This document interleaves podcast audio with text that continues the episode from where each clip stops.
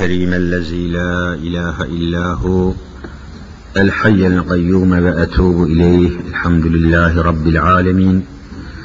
والصلاة والسلام على رسولنا محمد وعلى آله وصحبه أجمعين. أعوذ بالله من الشيطان الرجيم. بسم الله الرحمن الرحيم. رب اشرح لي صدري ويسر لي أمري واحلل عقدة من لساني يفقه قولي. آمين. بحرمة سيد المرسلين. أما بعد فالأول الله والآخر الله والظاهر الله والباطن الله فمن كان في قلبه الله فمعينه في الدارين الله فمن كان في قلبه غير الله فخصمه في الدارين الله لا إله إلا الله هو الحق الملك المبين محمد رسول الله صادق الوعد الأمين. قال النبي صلى الله تعالى عليه وسلم إن أصدق الحديث كتاب الله وأصدق الهدي هدي محمد صلى الله عليه وسلم وشر الأمور محدثاتها وكل بدعة ضلالة وكل ضلالة في النار. صدق رسول الله ونطق حبيب الله فيما قال أو كما قال Aziz müminler, muhterem Müslümanlar, geçen derslerimizde günümüzün hadiselerine ışık tutan ve üzerinde çok durulması icap eden bir ayet-i kerime ile sohbetimizi devam ettirmiştik. Ancak yeryüzünde meydana gelen hadiseler, kavgalar, çatışmalar, çekişmeler, boğuşmalar, yeryüzündeki ehli küfrün hesapları, planları, tuzakları, toplantıları tamamen neresinden bakılırsa bakılsın Müslümanları alakadar ettiği için bu zincirleme peş peşe devam eden hadiseleri mutlaka toplanan Müslümanlara, bir araya gelen Müslümanlara çeşitli vesileler ve sebeplerle toplantı yapan müminlere anlatmak, aktarmak ve vaki olacak tehlikeleri, Müslümanların başlarına gelecek tehlikeleri onlara duyurmak, ümmeti Muhammed için çok önemli bir hadisedir. Tehlikeleri haber vermek lazım. Nitekim Hz. Muhammed Mustafa sallallahu teala aleyhi ve sellem Efendimiz 40 yaşında peygamberliği Rabbimizden, Mevlamızdan peygamberlik makamıyla, peygamberlik rütbesiyle, peygamberlik şerefiyle şereflendikten sonra peygamberliğini açığa vurmak için bir ayet-i ilahiyenin emrine uyarak biliyorsunuz. Festa bima tü'mer ve e'rız anil cahilin ayeti kerimesinin hükmüne tabi olarak ey kainata gönderdiğimiz son peygamber Hazreti Muhammed Mustafa sallallahu teala aleyhi ve sellem sana emrolunan şeyi yani peygamberliğini, nübüvvetini açığa vur, açıkla. Senin peygamberliğini, peygamber olduğunu, peygamber olarak gönderildiğini duymayan, işitmeyen kalmasın. Öyle bir yüksek perdeyle, öyle bir yüksek sada ile, öyle bir usul ile peygamberliğini açıkla ki, senin peygamber olduğunu işitmeyen kalmasın. Festa ayeti bu manaya geliyor. Ne yaptı peygamberimiz? Bu ayeti kerime nazil olduktan sonra Mekke-i Mükerreme'de Safa tepesi var.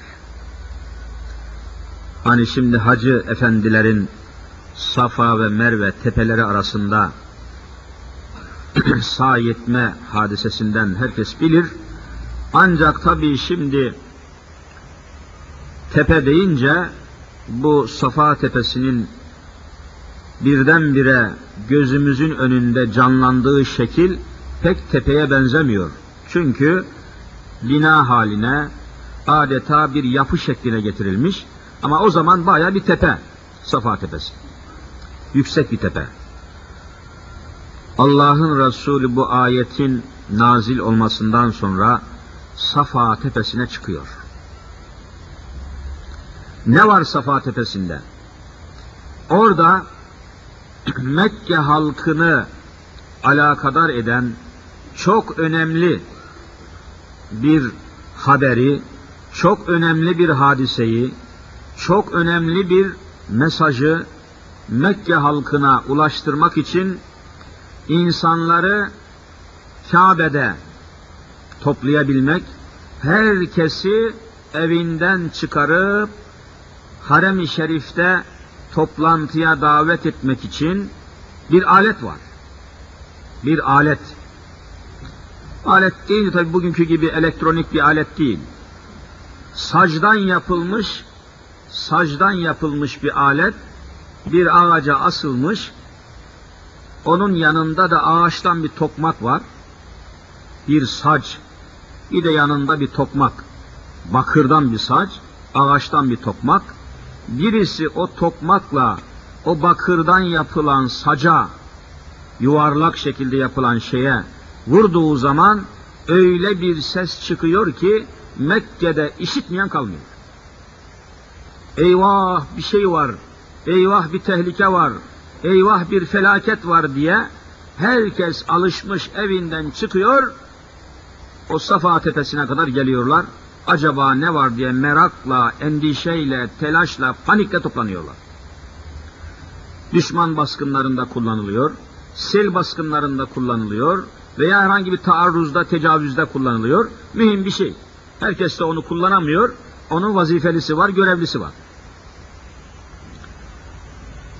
Allah'ın Resulü işte Safa tepesinde o aletin yanına çıkıyor, tokmağı eline alıyor, var gücüyle o bakırdan yapılmış ses çıkaran o yuvarlağa ki gavurcası gong diyorlar, gong. O gonga öyle vuruyor ki bir anda o ses tokmağın bakır metalde çıkarttığı ses Mekke'nin tamamına yayılıyor. Eyvah diyorlar Mekke halkı, büyük bir tehlike var. Eli ateşte, eli kanda, eli neyin üzerine olsun bırakıyorlar. Hepsi birden Safa tepesinin etrafında toplanıyorlar.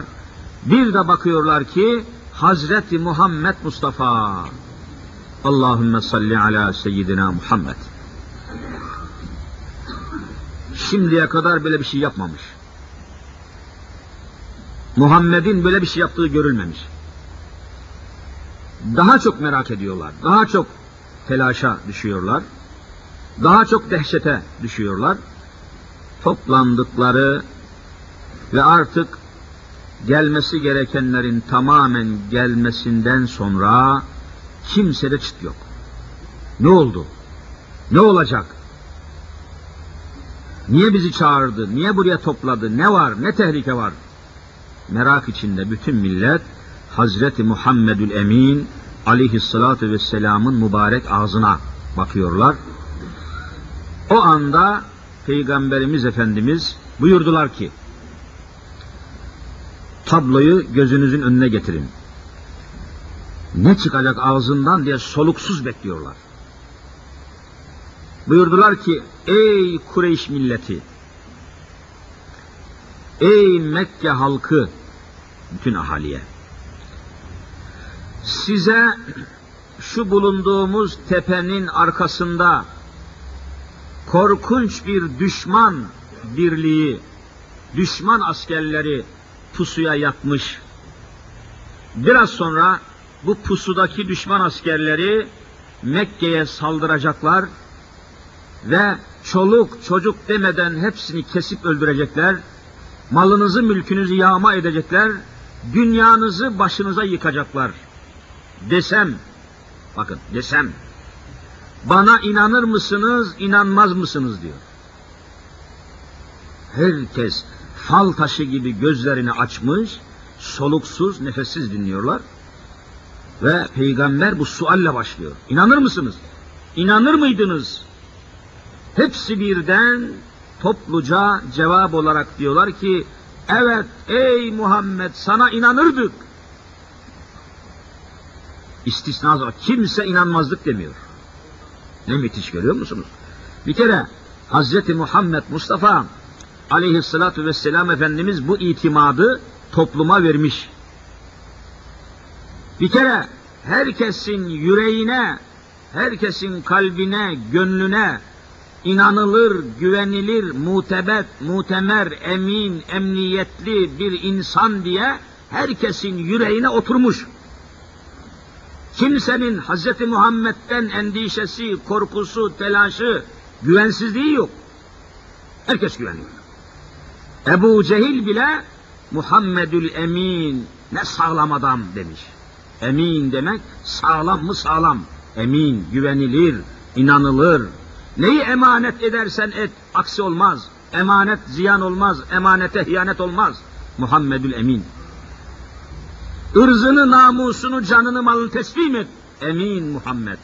Emniyetli. Bir kere bunu sağlamış.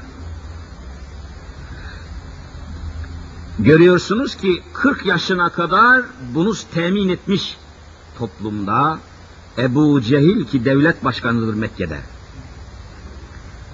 Mekke'deki devlet başkanından sokaktaki alelade insana kadar kendisini kabul ettirmiş mi, ettirmemiş mi? Ettirmiş. Muhammedül Emin. Peygamberlik geliyor ve peygamberliğini açıklıyor.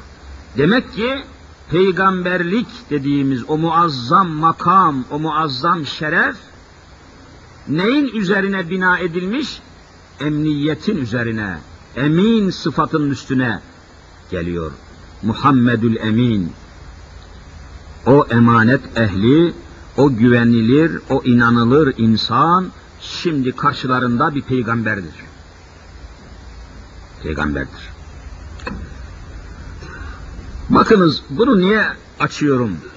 Efendiler, şimdi yaşadığımız asırda, devirde, yaşadığımız bölgede, beldede, mahallemizde, muhitimizde, yanı başımızda, şu anda Türkiye'de yaşayan Müslümanların en büyük problemi, en büyük sıkıntısı güven midir, değil midir?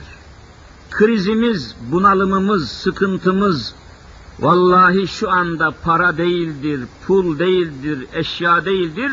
Birbirimize güvenip güvenememek problemidir. En büyük kriz Türkiye'de en büyük problem güven problemi. Güven. Güvenemiyoruz. Güvensizlik var.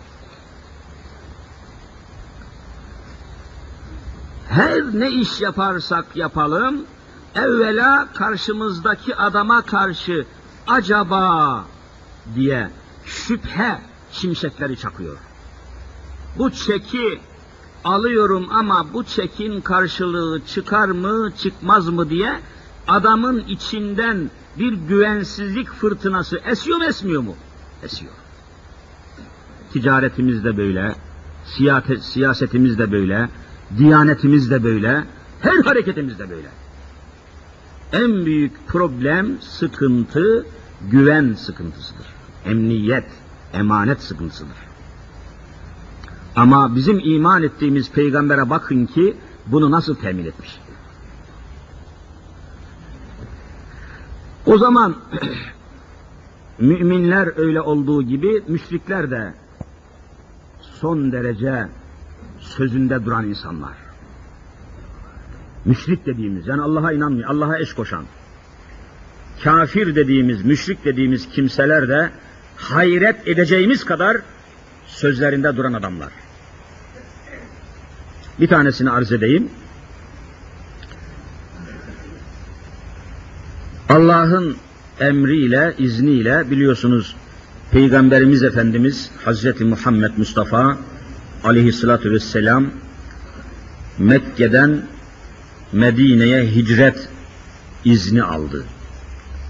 Peygamberler izinsiz bulundukları ülkeyi, bölgeyi terk edemezler. Allah izin verir, müsaade eder, öyle çıkarlar. Allah'tan izin geldi. Mekke'den çıkabilirsin.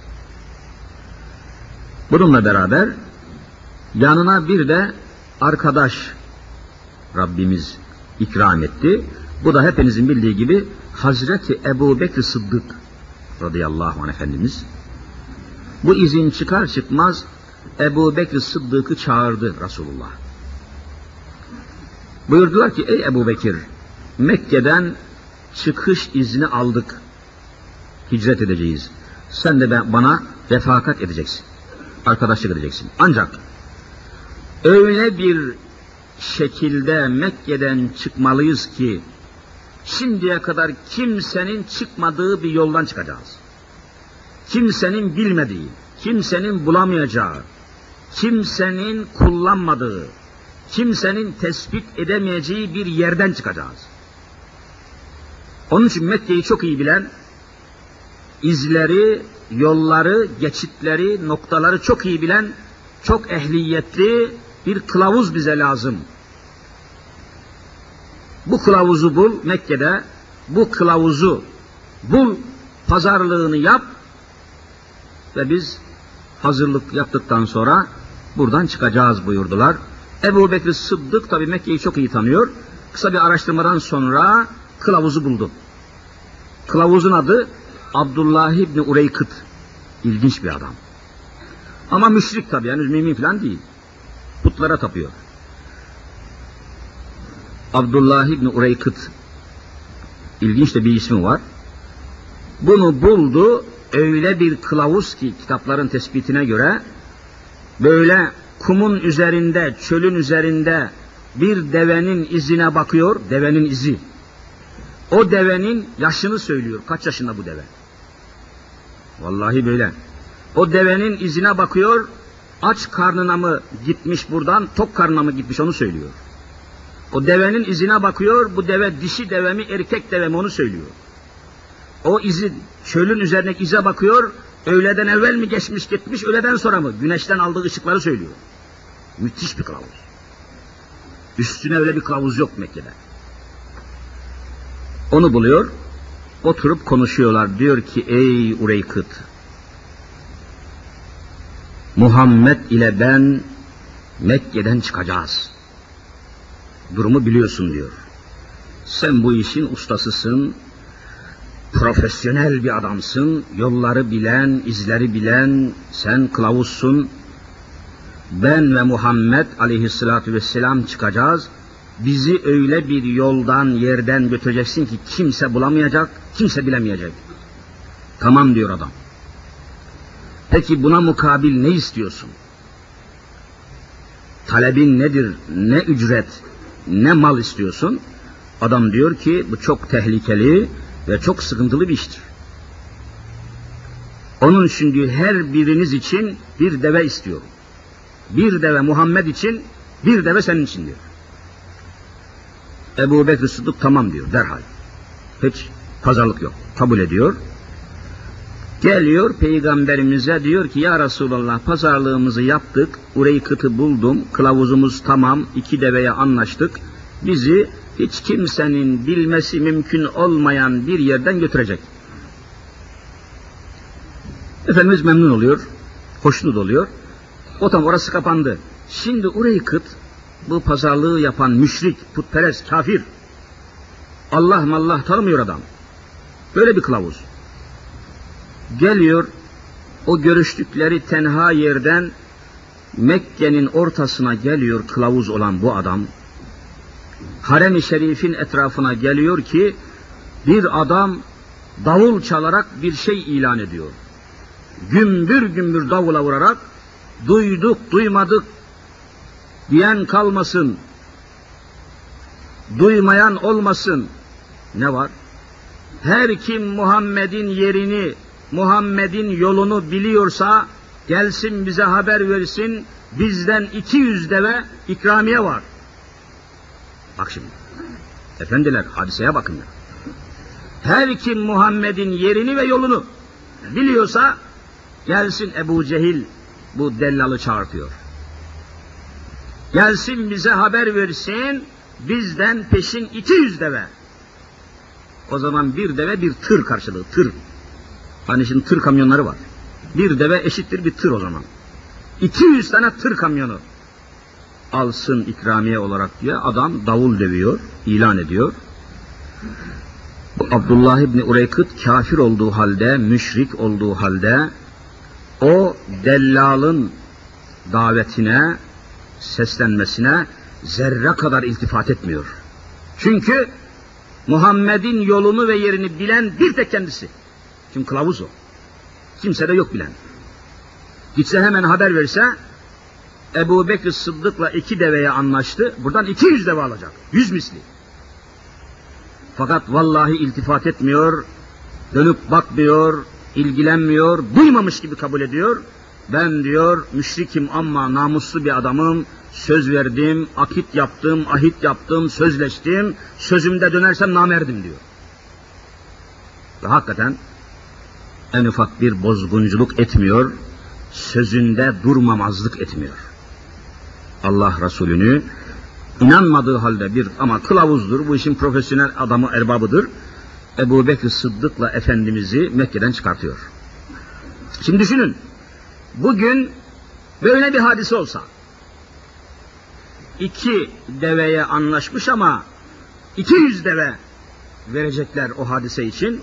Bugün bunun karşısında durabilecek bir erkek düşünebiliyor musunuz?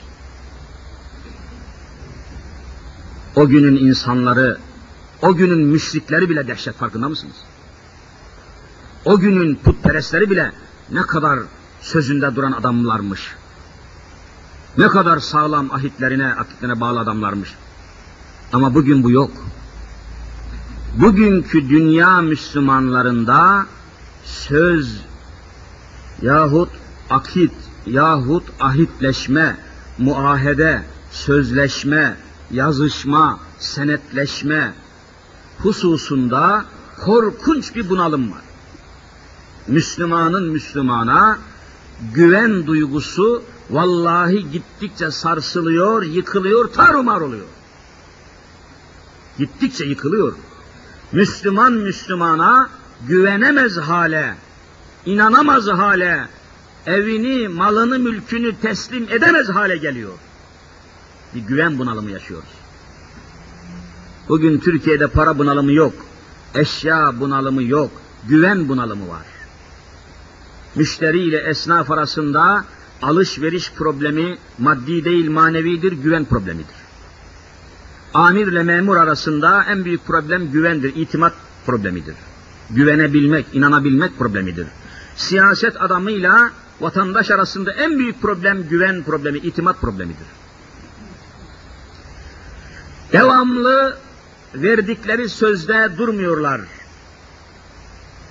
Müslüman adam hacca gitmiş, Beytullah'a gitmiş, namazda, camide, cemaatte, seccadede olan bir insan, bir Müslüman dahi sözünde durmuyor.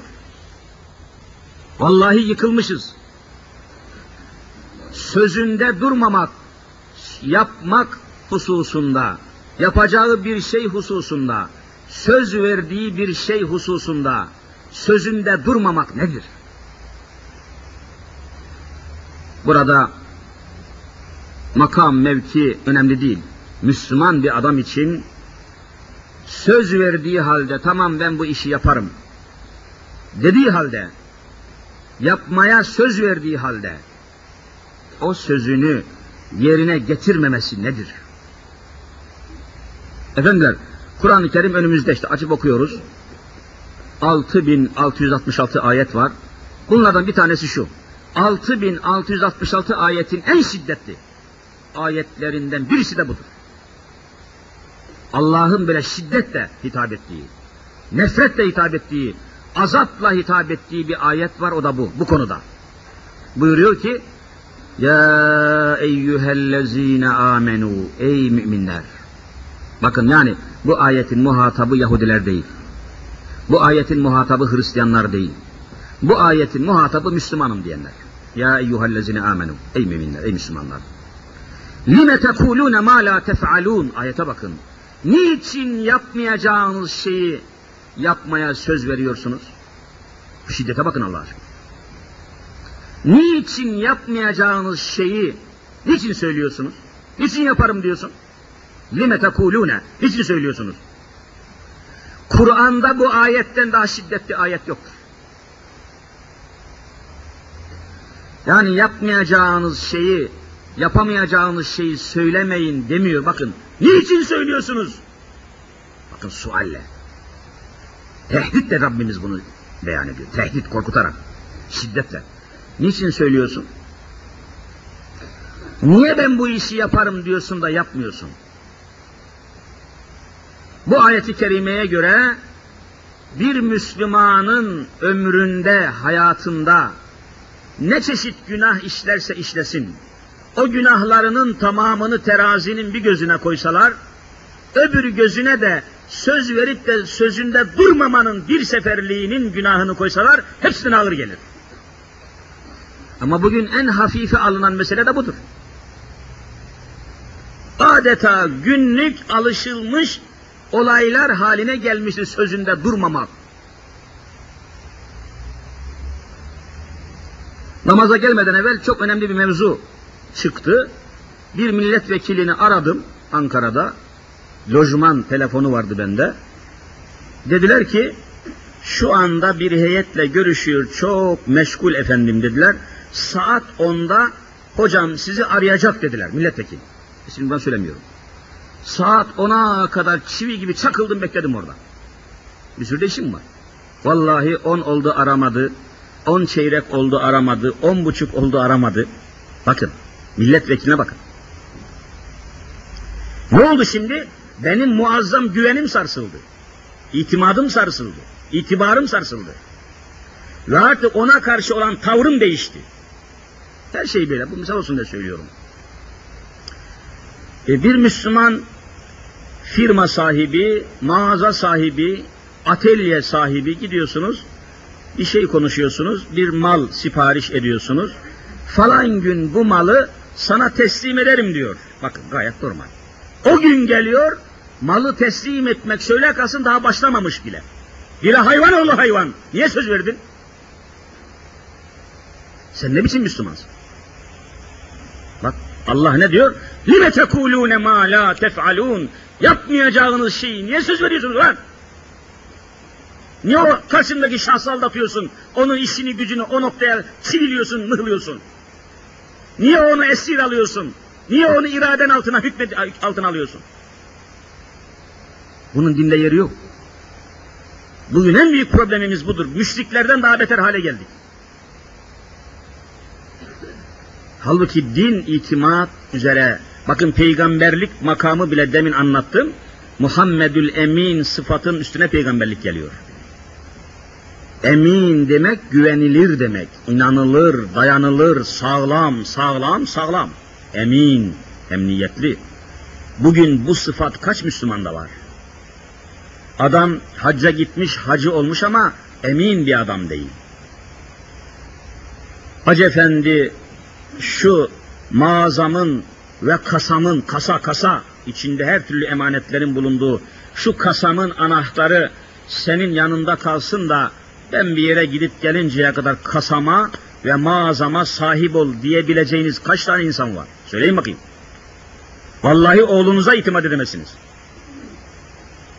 Bu toplum çökmüştür. Bu toplum yıkılmıştır. Buradan yıkılmıştır. Açıyoruz din kitaplarını, itikat kitaplarını, İslam kitaplarını, Müslümanların bağlı olduğu kitapları açıyoruz.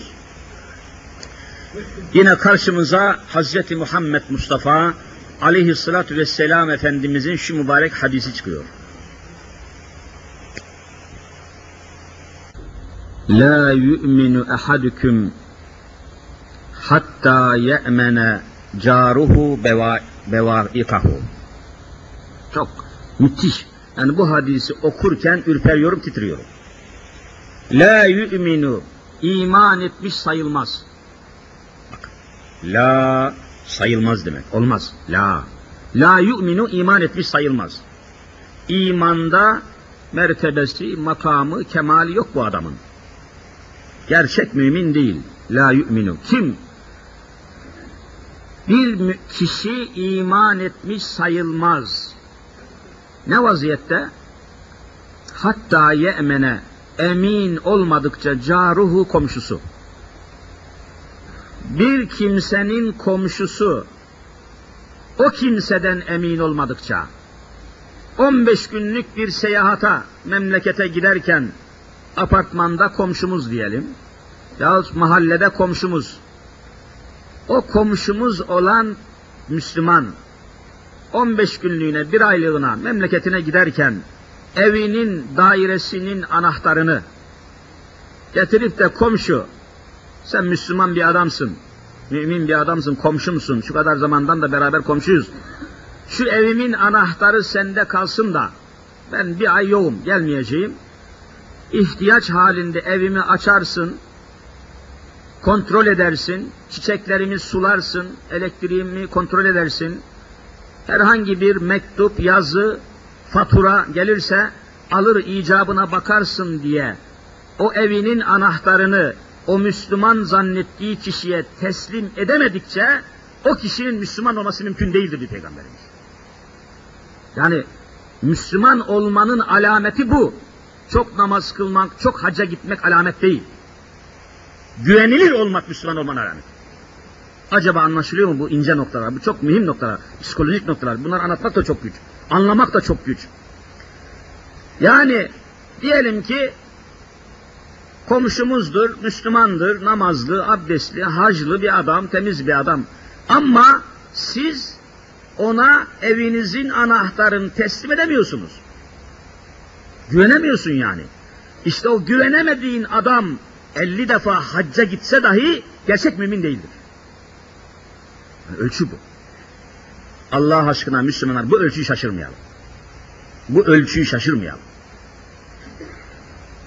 Çünkü Rabbimiz tehdit ediyor. Lime tekulune ma la tef'alun. Feale yef'alu fiil yapmak demek yani. Fiil haline, iş haline getirmeyeceksiniz, yapmayacaksınız da lime tekulune niçin söz veriyorsunuz? Niçin yaparız diyorsunuz? İşte ümmeti Muhammed'i birbirinden koparan en büyük darbe burasıdır. En büyük darbe burasıdır. Sözlerde durulmuyor Müslümanlar. Allah aşkına buna dikkat ediniz. Buna dikkat etmezsek toparlanamayız. İtimat kalkıyor, güven kalkıyor, emniyet kalkıyor, kalkıyor gidiyor. Her tarafı suyu istimal aldı başını gidiyor. Ülkemiz, bu cennet vatanımız bir baştan bir başa güvensizlik, kimsenin kimseye güvenemeyeceği bir felaket zemini haline gelmiştir. Görüyorsunuz. Böyle bir yere varamayız. Müslümanlar birbirine güvenemezse kim kime güvenecek? Bakınız müminler dün değil evvelsi akşam İngiltere'den bir patrik, bir baş psikopos geldi.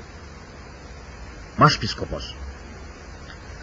Anglikan kilisesinin baş rahibi, baş papazı, baş psikopos bir adam geldi. Gelir gelmez soluğu Fener Patrikhanesi'nde aldı. Fener Ortodoks Patrikhanesi var biliyorsunuz Fener'de. Fener'i biliyorsunuz Haliç'te Fener diye bir yer var Balat Fener. Orada bir patrik var. Hristiyanların Ortodoks mezhebini, Ortodoks mezhebini temsil eden 700 milyon Hristiyanın başı. 700 milyon. Başı şu anda İstanbul'da Fener Patrikhanesi'nde oturuyor. İngiltere'den alel acele apar topar maiyetiyle, erkanıyla Anglikan Kilisesi'nin bu baş psikoposu gelir gelmez doğru soluğu bu Fener Patrikhanesi'nde aldı. Patrikle kucaklaştı, öpüştü, sarmaş dolaş oldu. İkide bir geliyorlar. Allah aşkına söyler misiniz? Bu patrikler, bu başpiskoposlar, bu papalar, bu papazlar kimin hakkında toplantı yapıyorlar? Kimlerin hakkında? Vallahi bunu Kur'an-ı Kerim söylüyor. Bütün bunlar Müslümanların hakkında plan yapıyorlar. Plan yapıyorlar. Vaktimiz olsa ayetleri sıralayacağım. Hadisleri okuyacağım. Hepsi mucize gibi açıkça beyan ediyor hadiseyi. Bunlar kimin namına toplantı yapıyor patrikler, papazlar, başpiskoposlar? Ya hadiseleri görmüyor musunuz? Kimsenin kimseye itimadı yok. E böyle gidemeyiz. Bakın Saraybosna bitti. Saraybosna'da Bosna Hersek bitti. Oranın işini bitirdiler. En son gelen bilanço 300 bin ölü. Vallahi 300 bin kişi ölmüştür, katledilmiş. İki buçuk milyon insan göç. Evini, yurdunu, yuvasını, yavrusunu bırakmış oradan çıkmıştır. İki buçuk milyon. Bosna Hersek. Yıkılmamış, harap olmamış tek bir ev yok. Bosna'da. Sade evleri mi? Ne kadar kabristanlar, mezarlıklar varsa bütün mezarlıkları sökmüşler. Greyderlerle, dozerlerle o Bosnalı Müslümanların mezarlıkların yerle bir etmiş. Mezarlık da yok şu anda. Bir tek mezar yok. Bunu yaptıranlar Hristiyanlardır. Bunu yaptıranlar Dünya Kiliseler Teşkilatı'dır. Vallahi ve billahi ben ayetle söylüyorum. İspatına hazırım. İspatına kadirim. Bunu yaptıran Amerika'dır. Çünkü Hristiyan dünyanın başı benim diyor Amerika. Bunu yaptıran Avrupa topluluğudur çünkü Hristiyan topluluğudur. Bunu yapan, yaptıran Patriktir, Papadır. Ama kimse farkında değil. Kimsenin kimse itimadı ve itibarı kalmamış Türkiye'de. Siyaset adamlarının halka itimadı yok, halkın siyaset adamına itimadı yok. İtimat problemi. E böyle gidemeyiz çünkü Bosna'da katliam bitti. Şimdi orada bir referandum yapacaklar. Ne demek referandum? Halk oylaması. Halk oylamasında Sırplar çoğunluk kaldı. Oranın çoğunluk olan, çoğunluğunu teşkil eden Bosnalı Müslümanlar öldürüldü ve göçe zorlandı. Azınlığa düştüler. Orada şimdi kim hakim olacak oraya? Hristiyanlar hakim olacak. İki günden beri şimdi Kosova'ya geldiler. Kosova'da kırıp geçiriyorlar Müslümanları. Kosova. Kıyamet kopuyor. Ama dünya Müslümanları film seyreder gibi sanki fil, filmmiş yani aslı yokmuş da filmmiş gibi seyrediyorlar. Kosova'dan sonra şu kürsüden açık söylüyorum aynen Kıbrıs'a girecek. Kıbrıs'ı katliam yapacaklar. Bütün Hristiyanların gözü orada şu anda. Eğer Rauf Denktaş olmasaydı Allah'a yeminle söylüyorum Kıbrıs çoktan gitmişti şu anda. O adam taş gibi duruyor orada. Ama onu da halledecekler. Kıbrıs gider gitmez vallahi İstanbul'da katliam başlayacak. Bunu ayet ilahiye söylüyor. Haber veriyorum Müslümanlar. E böyle gidemeyiz. Bakın doğuyu ateş hattına çevirdiler. Doğu. Güneydoğu ve doğu bölgesi ateş hattına. Batıda da ateş hattı başlayacaktır. Yunanistan dehşetle çalışıyor. Geçen sene siz biliyorsunuz bütün dünya duydu işitti. Geçen sene Yunanistan PKK'ya vallahi bir milyar dolar yardım etti. Yunanistan yapıyor bunu. Niye? Ya bütün bunların bir mana çıkmıyor mu Allah aşkına? Bu siyaset adamları ne halt ediyorlar? Niye halka gerçek malumatı vermiyorlar? Niye halka doğruyu söylemiyorlar? Niye halkı aldatıp yanıltıyorlar? Hadise burada. Vallahi konuşmaları dinliyorum siyaset adamlarının. Yüz kelimenin 99'u yalan. Öyle şey olmaz. Yazık bu millete. Bizim bir hocamız vardı, İslam tarihine gelirdi. Mehmet Zekai Konrapa. Zekai Efendi, allameydi, tarih allamesiydi. Osmanlıydı. 75 yaşında idi bize derse gelirken. Bir gün dedi ki, çok bir şeye çok üzülmüştü. Çocuklar bugün ders yapmayacağım da dedi size özel şeyler anlatacağım dedi ve şunu anlattı. Bakınız dedi. Toplum hayatında, cemiyet hayatında, millet hayatında her şey olur. İnsanların dertleri, davaları, kavgaları, problemleri olur. Bunları çözmek için elemanlar olur, uzmanlar olur. Mesela hasta olanların hastalıklarıyla doktorlar ilgilenir. Ancak doktor önemlidir. Önemli bir insandır doktor. Çok dikkat etmesi lazım. Tedavi ettiği insanı iyileştirmesi lazım. Ama dikkat etmez de hata ederse doktor ancak tedavi ettiği tek bir hastayı öldürür. Yani doktorun tehlikesi fazla yayılmaz etrafa. Tedavi ettiği hastayı öldürdüğü yerde tehlike biter. O kadar. Dedi, anlatıyor. Avukat olan bir adam hata ederse, satılırsa, sapıtırsa avukat, davasını savunduğu adamı zarara sokar. Daha ötesi yok. Ama dedi vallahi unutmuyorum. Bir siyaset adamı, bir politikacı, bir devlet başkanı, bir başbakan, bir siyaset adamı hata ederse vallahi bir milletin tamamını batırır dedi. Zararı çok tehlikeli. Doktorun zararı hastasınadır. Avukatın zararı davasını aldığı adamadır. Ama bir siyaset adamının gafleti, hiyaneti, cehaleti, satılması, hatası bir milletin tamamını yok eder dedi. Bugün bunları yaşıyoruz. Siyaset adamı çok ehemmiyetli bir adamdır. Ama din ayrı, siyaset ayrı diye diye diye siyaset adamları dinin dışında, ahlakın dışında yetişe yetişe bugün güvenilmez adam haline geldiler.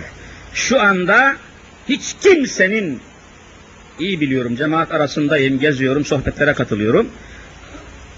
Böyle dört dörtlük itimat ettiğimiz, güvendiğimiz tek bir siyaset adamı yoktur Türkiye'de şu anda.